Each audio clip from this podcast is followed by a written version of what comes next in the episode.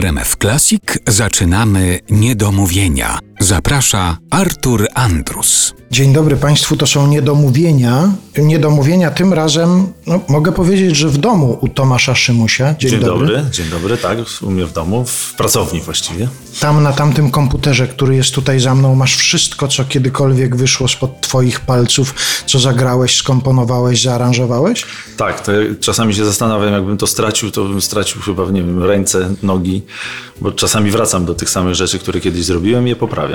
Ale rzeczywiście bardzo dużo tego jest. A jak daleko wracasz do tego, co kiedyś zrobiłeś? To znaczy, jeszcze z takiego młodzieńczego, bardzo młodzieńczego okresu masz jakieś nagrania swoje?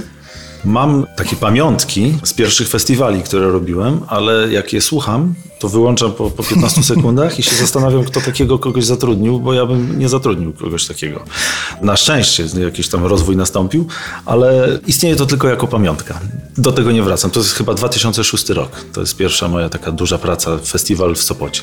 Twoje nazwisko wielu widzów, słuchaczy kojarzy właśnie z takimi festiwalowymi orkiestrami. Prowadzisz orkiestry w wielkich widowiskach telewizyjnych też. A kiedy to się stało właściwie taką twoją specjalnością? I co się wydarzyło, że to się stało twoją specjalnością? Pierwsze zaproszenie i potem zaowocowało? Tak, pierwsze zaproszenie przez Marcina Perzynę, który był ówczesnym dyrektorem, stworzył własny festiwal Top Trendy. Znaliśmy się z teatru muzycznego, bo ja wcześniej pracowałem przy musicalach w Teatrze Roma i tam poza musicalami robiliśmy na własną rękę koncerty z aktorami i byłem zazwyczaj kierownikiem tych koncertów. To były takie lokalne koncerty, no, znaczy lokalne. Zapraszaliśmy publiczność warszawską, koncerty na walentynki, jakieś takie mm, na specjalne, pojedyncze okazje. Dyrektor wtedy dawał nam scenę. No i Marcin widział, że potrafię zarządzać, czy zrobić aranżację, zadrygować, poprowadzić cały koncert muzycznie, czyli zrobić wszystko, co Wcześniej do tego było potrzebnych kilka osób. Ktoś robił aranżację, ktoś przygotowywał orkiestrę i ktoś inny ją prowadził. Tak to wyglądało. A ja potrafiłem to wówczas zrobić w całości. No i to był pierwszy festiwal, właśnie ten 2006. I co? I powiedział ci, mam dla ciebie propozycję, stań na deskach Opery Leśnej w Sopocie i po prostu zrób festiwal, tak? A ty powiedziałeś, bardzo proszę, jestem gotów. Tak, tak. I nie wiedziałem, na co się wtedy porywam, bo wtedy poznałem pierwszy raz w życiu artystów tego wielkiego formatu. Natomiast po tym wszystkim to, że podołałem, to było moje ogromne szczęście i, i, i, wiedziałem, że to potrafię robić, jakoś zjednać sobie i orkiestrę, bo też musiałem stworzyć dużą orkiestrę wtedy na ten festiwal. Często nieznajomych muzyków, którzy byli zatrudnieni na miejscu, filharmonicznych muzyków. Jakoś potrafiłem to połączyć, bo to praca moja, to teraz wiem o tym, to jest poza muzyczną pracą, to jest to praca taka psychologiczna, żeby potrafić wysłuchać artystę, usiąść z nim, przy fortepianie, posłuchać, co chce przekazać przez tą piosenkę i wspólnie zrobić aranżację. Powiedziałeś, że to był taki pierwszy twój kontakt z tymi wielkimi artystami.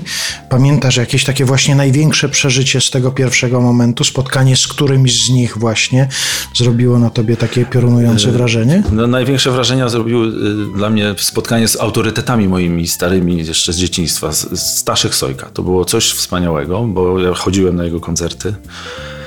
I jak mogłem go poznać osobiście, to było coś dla mnie niesamowitego. To jak gdyby rzeczywistość przekroczyła moje marzenia. Tak to określę czy tam później Grzesiek Turnał. Słuchałem, znałem jego wszystkie płyty i miałem możliwość go poznania, a jeszcze współpracy razem i spotkania się na scenie, no to były takie spełnione marzenia. Po kolei to się dzieje właściwie do dzisiaj. Już nie ma osób, z którymi nie współpracowałem, bo wiadomo, to wiele lat, na każdym festiwalu ktoś inny. Uważam, że, że to moje życie nie dość, że jest szczęśliwe z tego powodu, że robię to, co kocham, to jeszcze mam przyjemność spotykania się z prawdziwymi muzykami, nazwę to wielkiego formatu, którzy też mają własną drogę muzyczną i możemy to łączyć. to jest coś cudownego. No to bardzo proszę. Oto przykład łączenia tych dróg artystycznych i zawodowego szczęścia Stanisław Sojka w utworze zaaranżowanym przez Tomasza Szymusia.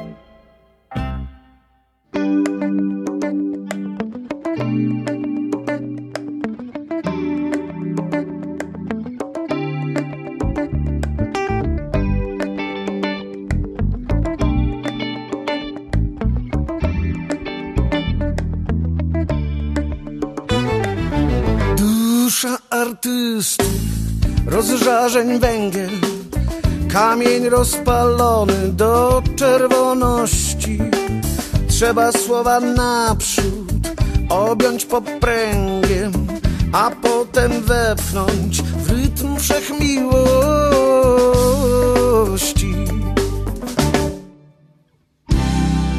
i stworzyć taką płomienną gęćbę z serc, rybałtów rozesłać w pościg, by ogłaszali wszemu ludowi prawdę i wolność słów i widowisk.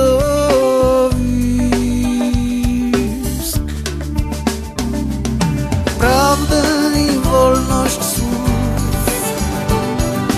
prawdę i wolność słów.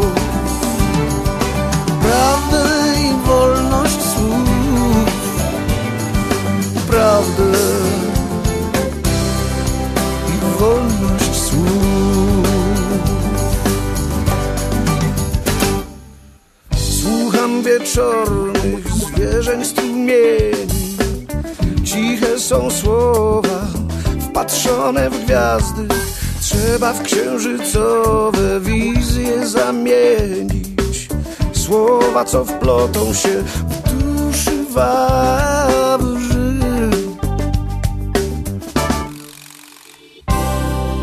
Co może staną się oskarżeniem Bo dzisiaj może wyznawać każdy Dzieje swych bólów krwawiący rapsod idolą bliźnią, idolą własną.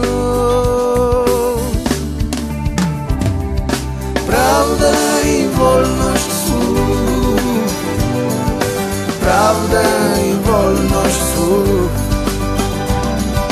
prawdę i wolność słów, prawdę i wolność słów.